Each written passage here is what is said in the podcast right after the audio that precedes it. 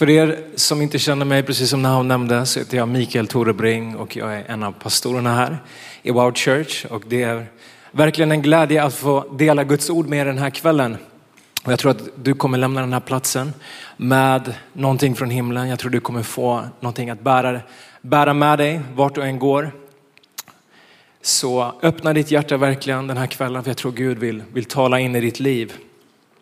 Eh, och jag skulle vilja börja den här kvällen med att ställa er en fråga. Och det är, vad skulle göra dig lyckligare idag? Om du får tänka efter. Vad är det som skulle göra dig lyckligare idag? Och jag kommer gå runt och fråga några av er här. Och du behöver inte säga om en mer av Gud, eller, för det vet jag att du vill ha. Okay? Det kommer göra dig lyckligare. Utan låt oss, låt oss vara lite mänskliga den här kvällen. Vet du, det, det finns inget fel svar här. Om du behöver en bil så, och det gör dig lyckligare, så säg en bil. Okej? Okay? Du behöver inte känna att du, du måste säga det rätta svaret. Vad som helst är rätt svar. Vad skulle göra dig lyckligare idag? Vad skulle göra dig gladare? Okej? Okay?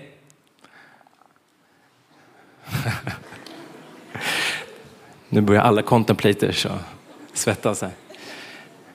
Vad skulle göra dig gladare? Vad skulle göra dig lyckligare? Samuel, vår security. Vad skulle det göra lyckligare dig idag? Extremt mycket pengar. Vad sa du? Extremt mycket pengar. Extremt mycket pengar. Hur många skulle bli lyckliga över det? Jag skulle bli det. 100 procent. René, vad skulle det göra dig lyckligare idag? Um, att ha min tvilling här i Sverige. Att ha sin tvilling här i Sverige, som bor i Frankrike, eller hur? Ja, 100 procent. Najoli? Uh, jag vet inte om det här är så här perfekt svar, men att inte oroa mig så mycket, alltså för allt, typ. Alltså att inte känna att jag behöver bära världen. Att jag bara kan släppa det. Få mer lugn över situationer. 100 procent. Alice? Um, jättesvårt. Men jag tror att se min familj ta emot Jesus. Mm. Amen. Men det vet jag. Men vad, vad skulle göra dig lycklig ikväll? Uh, ja, semester behövs känner jag. Amen. Vem vill ha semester? 100 procent. Nahom, vad skulle göra dig gladare? Mer av Jesus. Nej, jag skojar. Nej, men eh, ah, eh, jag skulle nog säga... Eh, en bil? Nej, inte en bil. Nej, ehm, jag skulle också säga resa faktiskt. Resa mer. Resa? Vart då någonstans? Ehm, jag skulle vilja öluffa i Grekland faktiskt. Nice. Nice, nice. Okej, vi går lite bort här borta. Ska vi se. Ska vi se här. Vem man ska fråga. Daggy, vad skulle göra dig lyckligare? Jag säger som Nahom, en resa hade varit nice. Vart då någonstans? Eh,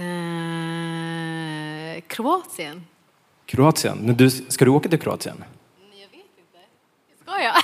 ja, jag fick för mig att... Nej. Jag hade pratat med någon som skulle till Kroatien, men det var nog inte du. Så Paulus, vad skulle göra dig lyckligare?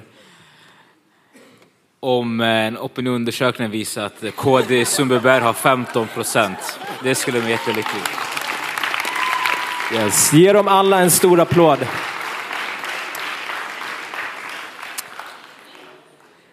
Yes. Det finns många saker som vi skulle behöva eller gärna vilja ha som gör oss gladare och lyckligare, eller hur? Det kan vara allt ifrån extremt mycket pengar, som Samuel sa. Det kan vara framgång i det vi arbetar med, det vi sysslar med, KD, partiet här. Men det kan, det kan vara vad som helst. Jag vet att ni alla här inne har, har någonting som ni vet, det här skulle göra mig lyckligare. Det kanske är ett hus, kanske en bil, kanske examen som ni håller på att ta. Det kanske är att hitta kärleken. Det kan vara, om du är nybliven förälder så kan det bara vara så enkelt som sömn. Men eh, de här sakerna, det finns inget fel med de här grejerna. Utan det här, vi är ju vi är människor, vi är ande, själ och kropp. Och vi behöver saker för vår själ, och vi behöver saker för vår ande och vi behöver saker för vår kropp, eller hur? Men det jag vill bara väcka den här kvällen det är, vad är det vår sanna lycka ligger någonstans? Och vad är det som fångar vårt fokus? För många gånger så kan det vara faktiskt de här sakerna som jag nämner och Nahom han han vet inte vad jag ska prata om den här kvällen, men han gjorde en, han har nästan sammanfattat hela min predikan. Så att jag tror verkligen det är från Gud den här kvällen. Och eh, som sagt, jag vill bara lägga som grund. Det finns inget fel med de här sakerna, men felet ligger i om de här sakerna blir vårt primära fokus. Och vi får en förväntan och en tro av att om jag, om jag bara får den här saken, om jag bara får den här relationen, om jag bara får det här jobbet, om jag bara gör mina föräldrar stolta, om jag bara får det här så kommer jag få mening. Så kommer jag få lycka, så kommer jag få glädje i mitt liv. Så att titeln på min predikan den här kvällen det är om jag bara hade blankt. Och hur många har en telefon här? Nu hittar inte min telefon. Här. Hur många har sociala medier? Alla har sociala medier, eller hur? Och det som är väldigt intressant när man går in på sin telefon, när man går in på sin Instagram, på sin Snapchat eller TikTok eller vad du än håller på med. Jag, jag blir helt galen på allting. Det, det som är intressant när man går in på dem det är att, att sociala medier har en väldigt speciell effekt på en. Och jag läste någonstans att, att 95, ungefär 95 procent av det innehållen som vi konsumerar genom sociala medier har en och samma effekt. Och det är att det får oss att vilja vara en annan person som gör något helt annat än vad vi håller på med. På en helt annan plats än vad vi är någonstans i våra liv. Tillsammans med en helt annan person än, vad vi, kan, än de vi kanske är med just nu. Är det någon som kan känna igen sig i det här? När jag läste om det här så slog det mig, det är verkligen sant. När jag går in på min telefon, det enda jag matas med, det är en falsk image och bild av någonting som får mig att vilja önska att jag hade någonting annat. Och det skapar som en illusion om att om jag bara ser ut på det där sättet, om jag bara har det där huset, om jag bara har, you name it, den här personligheten, den här gåvan, då skulle jag vara lycklig. Då skulle jag få likes, då skulle jag få följare, då skulle jag få erkännande, då skulle jag få mening och då skulle jag få någon form av lycka i mitt liv. Och vet du vem de här sociala mediernas största kunder? Är det någon som vet vem deras största kunder? Någon sa jag. Är det någon som tror det också, att det är du? Vet du jag har ingen aning om vem sociala mediers största kunder, men jag kan garantera dig en sak, det är att det är inte du. Vet du vad du är? Du är deras produkt som de säljer. Du är deras vara som säljs för att företag ska sälja.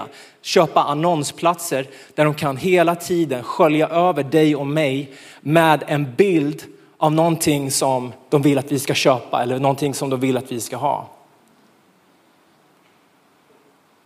Själva syftet med marknadsföring, det är att få dig och mig att känna att någonting saknas oss. Att det är någonting jag inte har, men när jag ser det här, då är det det jag vill ha. Och jag, och jag säger än en gång, det behöver inte vara fel. Det kan vara, det kan vara jättebra saker också. Men jag vill, jag vill bara lägga en grund för det. Mitt budskap är den här kvällen. Jag vill att du ska bara öppna dina ögon och se. För att när man kollar på reklam, när man kollar på, jag vet inte, när du var liten, då fanns det liksom inga Netflix, det fanns inga eh, Disney eh, Channel liksom, utan man slog på tvn och då var det tv-shop. Från typ klockan fyra till klockan sju. Hur många brukade kolla på tv-shop?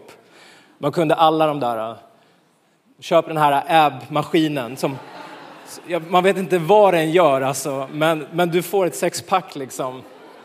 Och det är bara massor med fotomodeller som går runt med de där. Eller köp den här städprodukten och ditt hem blir fantastiskt och din familj blir lycklig och dina barn eh, gör vad du vill liksom. Eh, och liksom, det behöver inte vara fel på de här sakerna, men, men jag vill bara att du ska vakna till liv att det finns saker som vi konsumerar och som vi matas med som hela tiden skapar en bild av om jag bara hade. Om jag bara hade det här, om jag bara hade det här, då skulle jag vara lycklig. Då skulle jag kunna bli den här personen jag verkligen vill bli. Och det jag vill väcka dig till idag, det är att vi lever i en, i en tidsanda. Och vad betyder det? Jo, vi lever i en kultur, vi lever i ett samhälle vi lever i en värld som hela tiden vill få oss att fokusera på fel saker. Saker som vi tror i slutändan att är meningen med livet, som livet handlar om. Och som hela tiden får oss att tänka, tänk om jag bara hade utseendet, tänk om jag bara hade den här personligheten, tänk om jag bara hade pengarna, huset, utbildningen, familjen. Tänk om jag hade haft en hel familj i min barndom, åh vad allting hade varit annorlunda. Om jag bara bygger mitt namn till att bli någonting, om jag bara bygger min image, bara jag får följare, ett erkännande för det jag gör. Då kommer jag finna lycka, då kommer jag finna mening, då kommer jag bli, bli någonting. Och det här är en fälla mina vänner som vi kan fastna i. Som kristna, vi går i kyrkan, men vi kan fastna i den här världens tidsanda, i den här kulturen. Och jag vill, den här kvällen så vill jag väcka dig att vakna upp och se att det finns någonting större till livet än vad vi ser framför oss och vad vi ser på våra telefoner. För vad den här fällan gör det är att den stjäl vår glädje. Den gör oss otillfredsställda. Den tar upp vår tid, den tar upp vårt fokus. Den tar ifrån oss de vi är kallade att, att vara. Det stjäl vårt destiny, alltså vår kallelse, vårt öde. Och det smyger in i våra liv, i våra tankesätt, i våra attityder. Trots att vi går i kyrkan, trots att vi går i en wow-grupp, så tappar vi fokuset vad livet verkligen handlar om. Och det handlar bara om två saker och det är att älska Gud och älska människor. Så med det sagt, det är inte fel att ha en fin bil. Det är inte fel att ha ett hus, men precis som Naum sa, det är inte fel på pengar, men om, kärleken för, om man har kärlek för pengar och den tar platsen före Gud, då har man ett problem. Det står så här i Hebreerbrevet kapitel 2, vers 1. Att därför måste vi så mycket mer ta vara på det vi har hört så att vi inte driver bort med strömmen. Därför måste vi så mycket mer ta vara på det vi har hört så att vi inte driver bort med strömmen. Så jag vill göra den här kvällen med dig. Jag vill väcka dig. Jag vill påminna dig. Jag vill hjälpa dig och jag vill uppmuntra dig den här kvällen. Och det ordet som är huvudordet för min predikan den här kvällen. Det är första Timoteus kapitel 6, vers 6 till 12. Där det står så här. Men Guds fruktan förenad med förnöjsamhet är verkligen en stor vinst. Vi har ju inte fört något med oss in i världen och inte heller kan vi ta med oss något härifrån. Har vi mat och kläder ska vi vara nöjda med det. Den som vill bli, de som vill bli rika råkar ut för frestelser och snaror och många oförnuftiga och skadliga begär som störtar människor i fördärv och undergång. Kärlek till pengar är en rot till allt ont. I sitt begär efter pengar har vissa kommit bort från tron och vållat sig själva mycket lidande. Men du gudsman och du Guds kvinna, håll dig borta från sådant. Sträva efter rättfärdighet, gudsfruktan, tro, kärlek, uthållighet och ödmjukhet. Kämpa trons goda kamp. Grip det eviga livet som du blev kallad till och som du bekände dig till genom att avge den goda bekännelsen inför många vittnen. Det är så fantastiskt ord. Paulus ord. Så låt oss bara lägga den här kvällen i Guds händer. Låt oss lägga det här ordet i Guds händer. Så Fader, vi tackar dig för den här kvällen här. Jag lägger den här stunden i dina händer och jag tackar dig att din nåd är på den här platsen över våra liv Fader Herre. Att du kommer inte för att döma utan du kommer för att resa upp Fader. Du kommer inte för att fälla utan du kommer för att upprätta. Och jag tackar att det här är en kväll då vi får lyfta vår blick Fader till det vart den sanna källan av glädje, mening och kärlek finns Fader. Och det är hos dig. I Jesu namn och allt folket sa. Amen. Amen. Jag vill ta dig till en berättelse i Guds ord, eller ett kort passage egentligen i, i, i berättelsen. Och det handlar om när Israels folk blev räddade ut ur Egypten. Och om du inte vet vad det innebär, du kanske har sett Prinsen av Egypten, jag vet inte. Eh, då, då förstår du kanske lite vart vi kommer ifrån. Men vad den här berättelsen handlar om är att Israels folk, alltså det judiska folket har levt som slavar i 400 år i Egypten. Och bara för att snabbspola så sänder Gud Mose för att befria folket och Gud befriar dem eh, och han lovar dem att ta dem till det förlovade landet. Till det som är dagens Israel. Och man kan läsa om hur Gud sänder sju plågor, han han delar det Röda havet, han ger dem mat i öknen, han ger dem eh, ja, allt vad de behöver och han leder dem genom öknen. Och vad, vad jag vill lyfta i den här berättelsen och vad den här berättelsen talar till oss idag, det är just när det kommer till, det finns många saker, men en av sakerna är just vad Egypten symboliserar. Egypten var en plats av fångenskap. Egypten var en plats av, eh, vad ska man säga, en plats av, av mörker för det israeliska folket. Och vad det betyder för dig och mig idag, vad det representerar är våra gamla liv. Där vi kom ifrån. Egypten symboliserar och representerar också den världen vi lever i. Egypten var ingen gudfruktig nation. De tillbad avgudar. De eh, levde helt fel. Och där hade det judiska folket varit fångar. Så Gud tar dem ut ur Egypten och han sätter dem på vägen för att nå det förlovade landet. Men vad som sker när de har blivit befriade från Egypten är att trots alla mirakler som det israeliska folket har sett, alltså tänk dig, de har sett det röda havet delas. Tänk dig att Östersjön delas och du går rakt över till Finland. Liksom. De har sett mirakel efter mirakel efter mirakel. De har sett Gud i formen av en eld som leder dem. De har sett liksom hur manna faller från himlen. Men trots allting de har sett och trots allting de har erfarit så är det någonting som drar dem tillbaka till Egypten.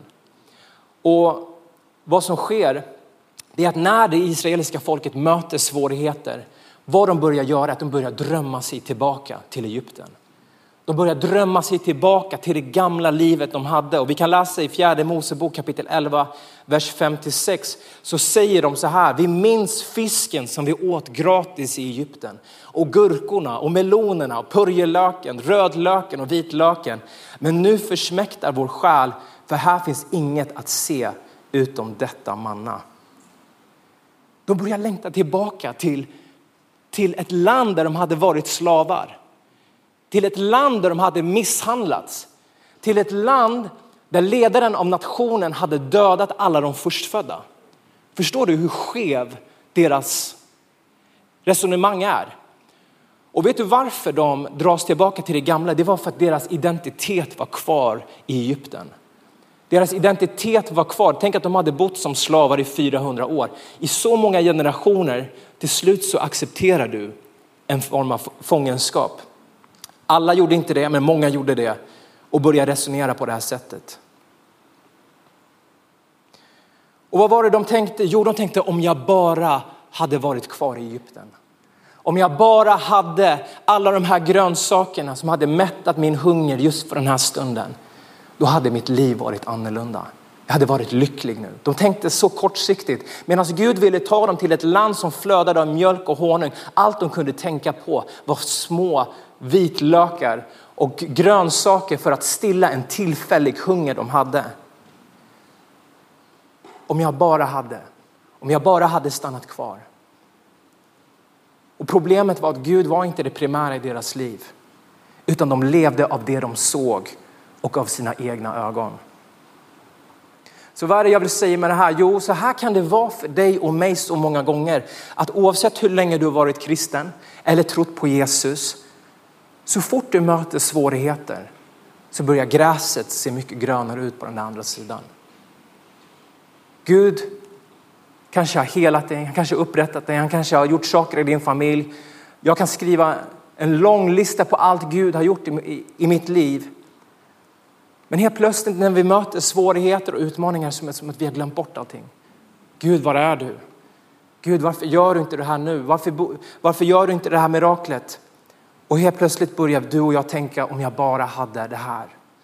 Om jag bara hade det här gamla livet jag hade förut. Det kanske inte var perfekt, jag kanske mådde skit, jag kanske hade problem med droger och alkohol. Men jag kunde ändå känna mig lycklig för stunden.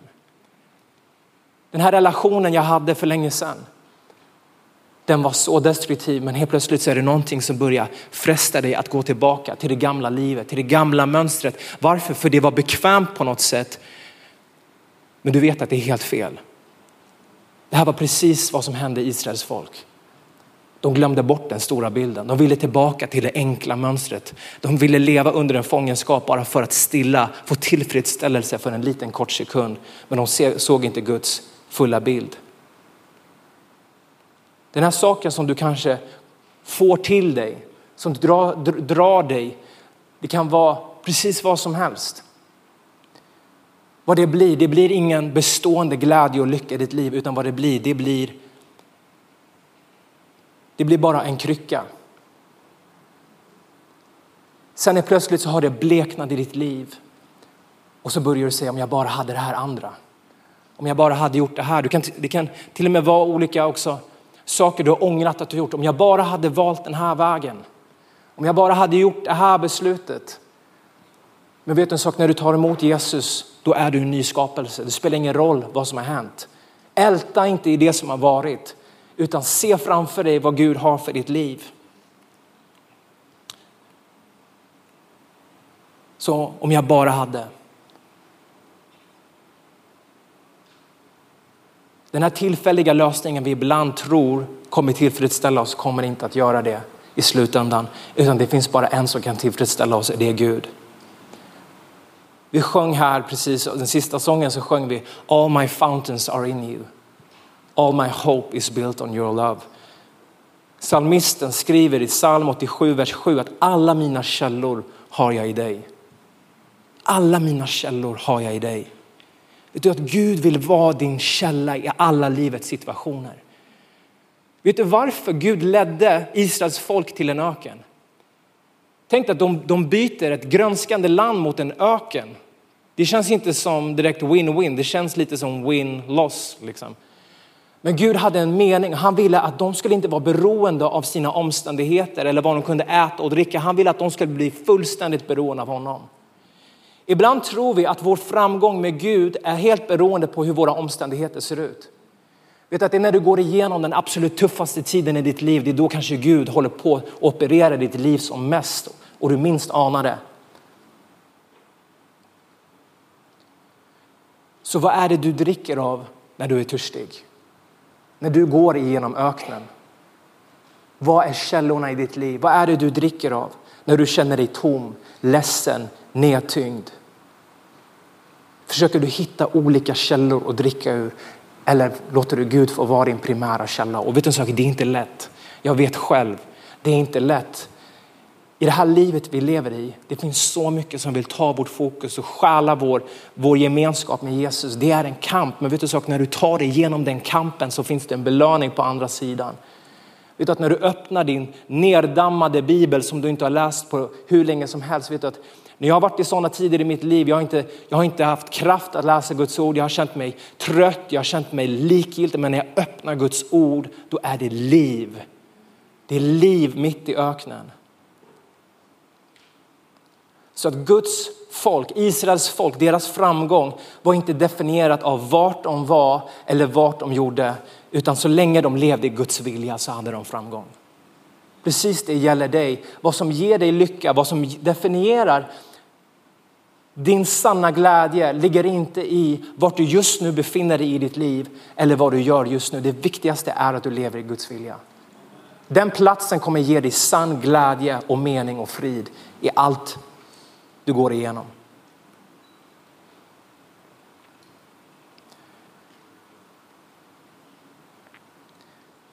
Så det, det är en del av, av spektrumet jag vill presentera det här ämnet och temat på den här kvällen. Att, att vi kan försöka hitta vår lycka och vi kan hitta vår, försöka hitta vår glädje i en lång lista av olika saker. Den andra listan av olika saker vill jag tala om genom Paulus liv. Och Paulus, han är en av de absolut största kristna författarna i vår tid. Hans liv har förvandlat den kristna kyrkan. Utan hans brev, utan hans liv så hade det nog allting sett väldigt, väldigt annorlunda ut. Men om vi kollar på början av Paulus liv så hade han allt. Han hade allt vad en judisk man förväntades ha på den tiden. Han hade en välställd eh, familj. Han var välutbildad i, i nivå. Om du skulle jämföra hans utbildning idag så skulle han vara en jurist. Han skulle vara en av de högsta teologerna i Svenska kyrkan eller katolska kyrkan, det beror på vilken referens du vill göra. Han var tränad under en av de absolut mest lärda lärarna i Jerusalem. På toppen av det så hade han också något som var väldigt prestigefullt på den tiden och det var att han var romersk medborgare. Och det kanske inte säger dig så mycket, men man kan säga så här, han var, han var som en amerikansk medborgare, han hade green card, han hade allting sett. Han, hade, han kunde kliva in på den amerikanska ambassaden. Han talade flera språk, han var erkänd. Och vad, vad som definierade hela Paulus tidiga och, och, första del av hans liv, det var att han, han trodde att om han prickade av alla, alla sina religiösa listor av religiösa handlingar, att han var den frommaste, att han var den heligaste personen, då trodde han att han skulle finna sann glädje och mening i sitt liv. Han trodde att han hade sitt fokus rätt. Och vad Paulus gjorde det var att han, hans livskallelse var att skydda den judiska läran, den judiska tron. Och när kristendomen uppstod så var det det absolut största hotet mot den judiska tron. Så att han bestämmer sig för jag ska förfölja och jag ska fängsla, jag ska döda varenda kristen som finns. Han är med när Stefanus stenas till döds. Han står, han kastar sina stenar. Det står att han fängslade familjer, han separerade barn från sina föräldrar. Det här var en man som trodde att han gjorde allting rätt, att han var rättfärdig inför Gud när han gjorde det också. Men det sker någonting i Paulus liv. Och när, när är det det här sker? Jo, det sker när han får möta Jesus. När han får möta Jesus så förvandlas hans liv fullständigt. Och varför jag lyfter upp Paulus liv på det här sättet, det är för att vi många gånger tror att om jag går i kyrkan, om jag gör min devotional varje dag, om jag är en god kristen, om jag gör allt det här och det här och det här, om jag bara är en god kristen, om jag bara har, har gjort min devotional, då kommer jag finna mening och glädje i mitt liv. De sakerna är fantastiska, men det är inte det kristna livet handlar om. Det kristna livets mål, det är att vi ska finna Kristus. Att vi ska ha en relation med Jesus. Inte hört talas om Jesus, inte bara ha allting fint på vårt CV, utan att vi känner Jesus. Och vet du, när Paulus får lära känna Jesus förvandlas hans liv från insidan och ut. Han blir inte längre den samma personen. Han går från att vara en person som dödar, slaktar människor till att älska människor, till att ge sitt liv för människor som inte ens är en del av den judiska befolkningen. Och ett av de starkaste orden han ger oss finner vi i Filipperbrevet kapitel 3, vers 7-9. Där det står så här, men allt det som förr var en vinst för mig räknar jag nu som en förlust för Kristi skull. Jag räknar allt som förlust, för jag har funnit det som är långt mer värt. Kunskapen om Jesus Kristus, eller Kristus Jesus, min Herre. För hans skull har jag förlorat allt och räknar det som skräp för att vinna Kristus och bli funnen i honom. Inte med egen rättfärdighet, den som kommer av lagen, utan med den som kommer genom tron på Kristus. Rättfärdighet från Gud genom tron. Relationen med Jesus förändrar allt. Så alltså inte alla de här sakerna som är utanför vår sfär, som, vi, som är långt borta från oss, som vi tror om jag får det här, men även allt det här andra som vi ibland kan göra av religiösa plikter. Det, det är inte först och främst det. Och jag menar, det här är medel för att vi ska få en relation med Jesus. Jag menar inte att du ska inte göra din devotional, att du inte ska be, att du inte ska komma till kyrkan. Det är självklart att du ska göra de sakerna, men det är inte, det är inte för deras skull du ska göra det, utan det är för Jesus det är att genom dem får du lära känna Jesus. Genom dem så får du en relation med Jesus och när du lär känna Jesus så förändrar det allt. Du kanske har kommit till den här kyrkan för första gången. Du kanske är i en kyrka för första gången. Vet du en sak? Det absolut viktigaste på den här platsen, det som har förändrat mitt liv, det som har förändrat att det sitter så här många unga människor, det brukar vara fullsatt här. Det är inte för att vi har det här ljuset eller den här musiken eller för att jag är någon vältalig talare utan det är för att människors liv har blivit förvandlade av Jesus.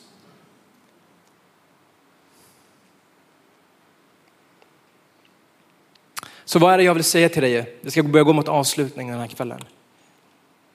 Det är att glädjen i ditt liv kommer inte utifrån vad du gör, utan att du gör hans vilja.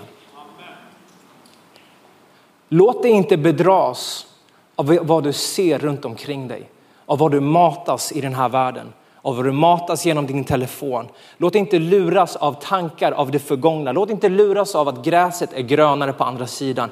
Jag säger bara en sak, vattna gräset på din sida med Jesus som jorden, som den goda jordmånen och du kommer finna glädjen, du kommer finna lyckan och du kommer finna meningen. Kolosserbrevet kapitel 2, vers 8 säger så här, se till att ingen fångar er med tomma och förä er med den tomma och förrädiska filosofi som bygger på mänskliga traditioner och världsliga makter och inte på Kristus. Vad jag vill göra den här kvällen, jag vill väcka dig. Det är så lätt att man vaggas in i en puls i den här världen och man accepterar att det är så här det ska vara. Det är det här, den här vägen man ska ta som, som människa 2022. Det är så här man ska tycka som en människa 2022. Du behöver inte gå den vägen, du kan välja Guds väg. Du kan välja en annan väg. Så vad jag vill uppmuntra dig till den här kvällen är att sluta säga om jag bara hade och säg allt jag behöver finns i honom. Om jag bara har Guds nåd, om jag bara har Gud så kan ingenting stoppa mig. Ingenting kan stjäla min glädje, ingenting kan stjäla min mening. Och jag vill visa en bild här, för idag så hade jag ett speciellt möte med en gammal vän som flyttade till Spanien för fem år sedan. Han kunde inte vara här ikväll. Men, jag vet inte om du känner den unga mannen, men han heter Rufus. Han gick i min wow-grupp i flera år innan han flyttade till Spanien. Han, gick, han gick, började gå hos mig när han var ungefär 15 år gammal. Idag är han 28 år gammal. Och för fem år sedan så flyttade han till Spanien för att dels att han hade träffat en, en vacker ung spanjorska, men också för att han ville vara med och tjäna i den församlingen som vi har planterat i norra Spanien, i Quijon. Men den här killens väg har inte alltid varit så rak och inte alltid varit så enkel. Och att han faktiskt är och tjänar Gud i Spanien idag, det är ett mirakel. För er som känner Rufus och känner hans familj så hans familj är en mirakelfamilj kan man säga. De är otroligt begåvade men framförallt har en otrolig disciplin och karaktär. Han var utbildad och professionell balettdansös som många av hans syskon och många av hans syskon håller på med olika aktiviteter. Men han hade en dröm och det var att han skulle bli professionell dansare. Han skulle in i showbusiness. Han skulle kliva ut i, på en arena för att underhålla. Otroligt talangfull, otrolig gåva. Och hela hans tonår och när han växer upp är, det är en brottningskamp mellan vilken väg han ska välja. Ska jag välja den här vägen och kliva ut och bli den här professionella dansaren? Eller ska jag gå med Gud? Hela tiden för att kliva ut på den platsen han ville kliva ut, det var en otroligt svår plats att vara som kristen. Det är otroligt svårt att leva ett kristet liv, att välja de rätta besluten.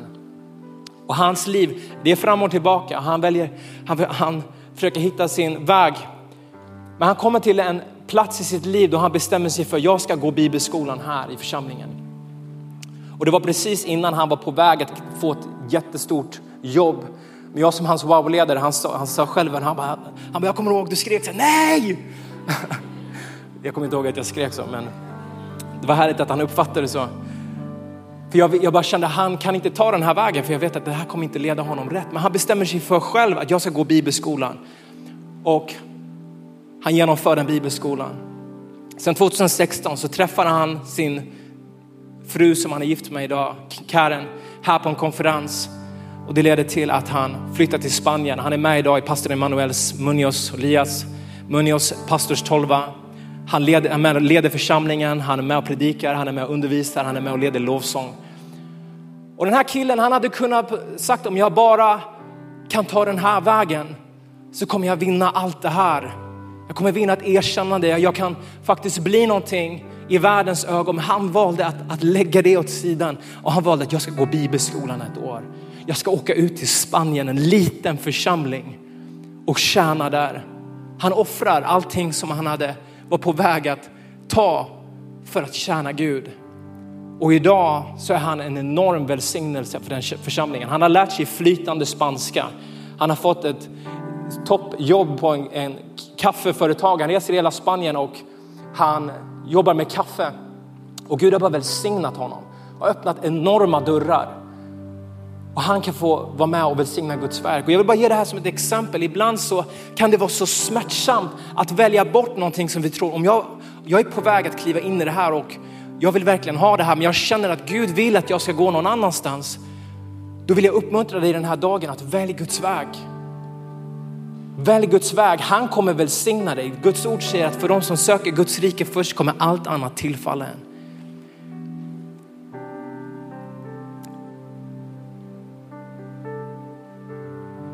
Så vet du, det spelar ingen roll om vi inte är någonting i den här världens ögon. Det som spelar roll det är att vi är någonting i Guds ögon. Det är att vi är någonting i Gud. Och Jesus, avslutningsvis, så är Jesus det absolut största exemplet för oss på det här området. För vad är det Jesus gör? Jo, Jesus kommer ner till den här jorden. Han lägger ifrån sig sin gudomlighet. Han lägger ifrån sig sin plats i himmelen. Han kommer ner till vår smutsiga jord. Han umgås med fiskare som luktar fisk. De har dålig karaktär, de luktade säkert illa, de hade dåliga attityder, de hela tiden höll på att bråka och gnabbas, de övergav honom. Jesus kom ner för dem och han kom ner för dig och mig, för min smuts, för min synd. För när jag, alla de gånger när jag förnekade Gud, för alla de gånger när jag svikit Gud, för det kom han för att rädda dig och mig. Och vad var det Jesus sa när han var på väg till korset? Han sa låt din vilja ske och inte min vilja ske. Och sista bibelordet den här kvällen, vad Jesus säger, vad han säger till dig den här kvällen. Han sa att min mat är att göra hans vilja som har sänt mig och fullborda hans verk. Så vad är det här för kväll? Jo, det här är en kväll av rannsakan. Det här är en kväll då vi får sätta skärpan på vår vision från allt det här andra som stjäl vårt fokus till det enda som kommer mätta vår innersta längtan. Det enda livet är värt att leva för. Och hans namn är Jesus Kristus. Så ska vi stå upp tillsammans den här kvällen.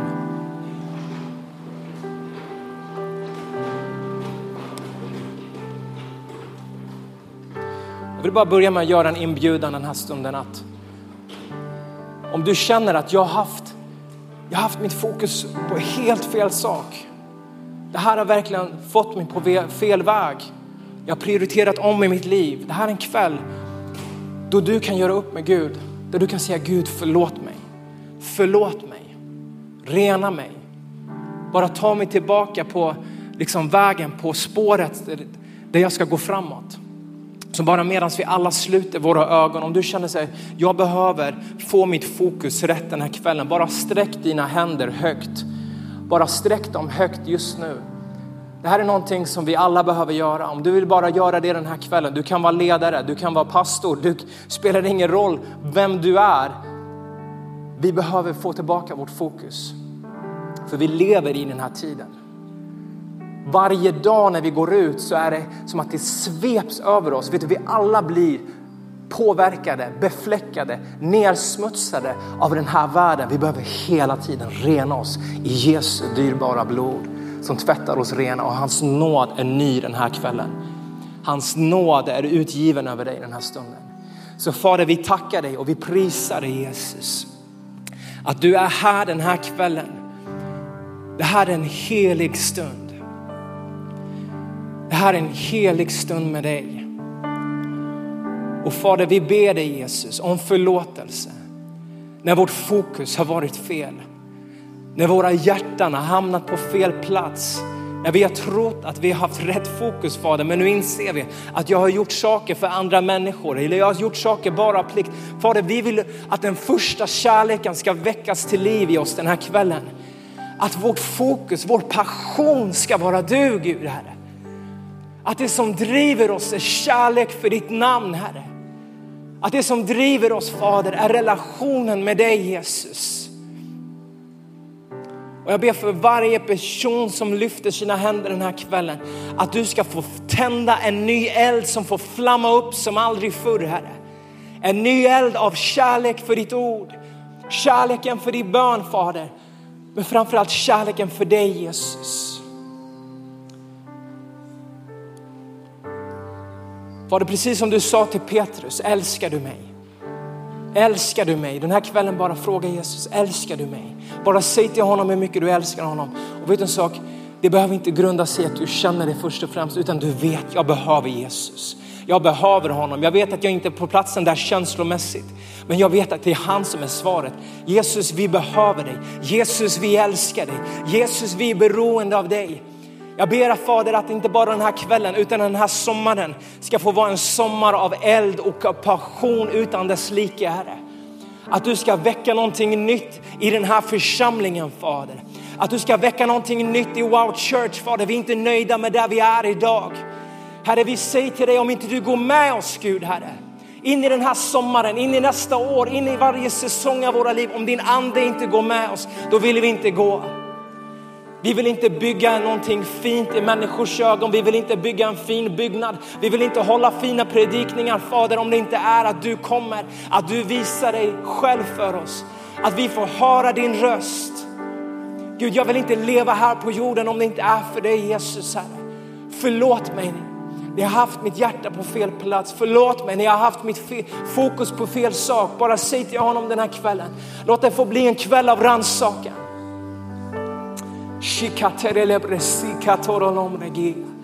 Lemra sekitorolom regereledia sekitaralabasia. Kebre. Den helige ande är på den här platsen den här kvällen.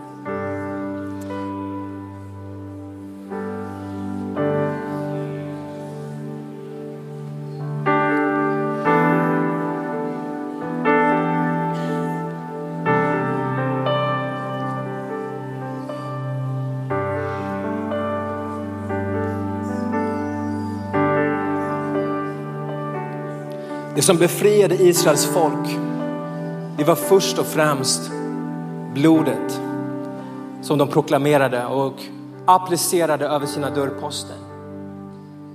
Det andra som räddade dem ut ur Egypten och deras fångenskap, det var Guds ande. Det står att Guds ande ledde dem om dagen och natten. Och det tredje som räddade dem från farao, det var delandet av det röda havet. Vad innebär det? Jo, det är vårt dop. När vi döper oss i vatten så begraver vi vårt gamla liv och precis på samma sätt som faraos armé inte kunde röra dem så kan inte han röra dig. Så vet du vad du behöver? Du behöver Jesu blod. Du behöver en helige ande. Och om du inte har döpt dig så behöver du döpa dig. Det här är ett beskydd för ditt liv. Att lämna det gamla och kliva in i det nya. Så du kan bara be efter mig, Jesus, rena mig i ditt blod. Förlåt mig när jag har valt min egen väg. Den här kvällen ger jag mitt liv till dig. Och jag ber dig, helige ande, fyll mig på nytt. Fyll mig som ditt tempel. Ta din boning i mig. Ta din plats i mig. Jag vill höra dig. Jag vill se dig. Jag vill vara känslig för dig. Jag vill vara ledd av dig. I Jesu namn. Och inför varje argument, säg det en gång till, inför varje argument mot mitt liv så är mitt gamla liv begravet. Nu lever inte längre jag, utan Kristus lever i mig. I Jesu namn. Amen. Ska vi bara ge Jesus en stor applåd?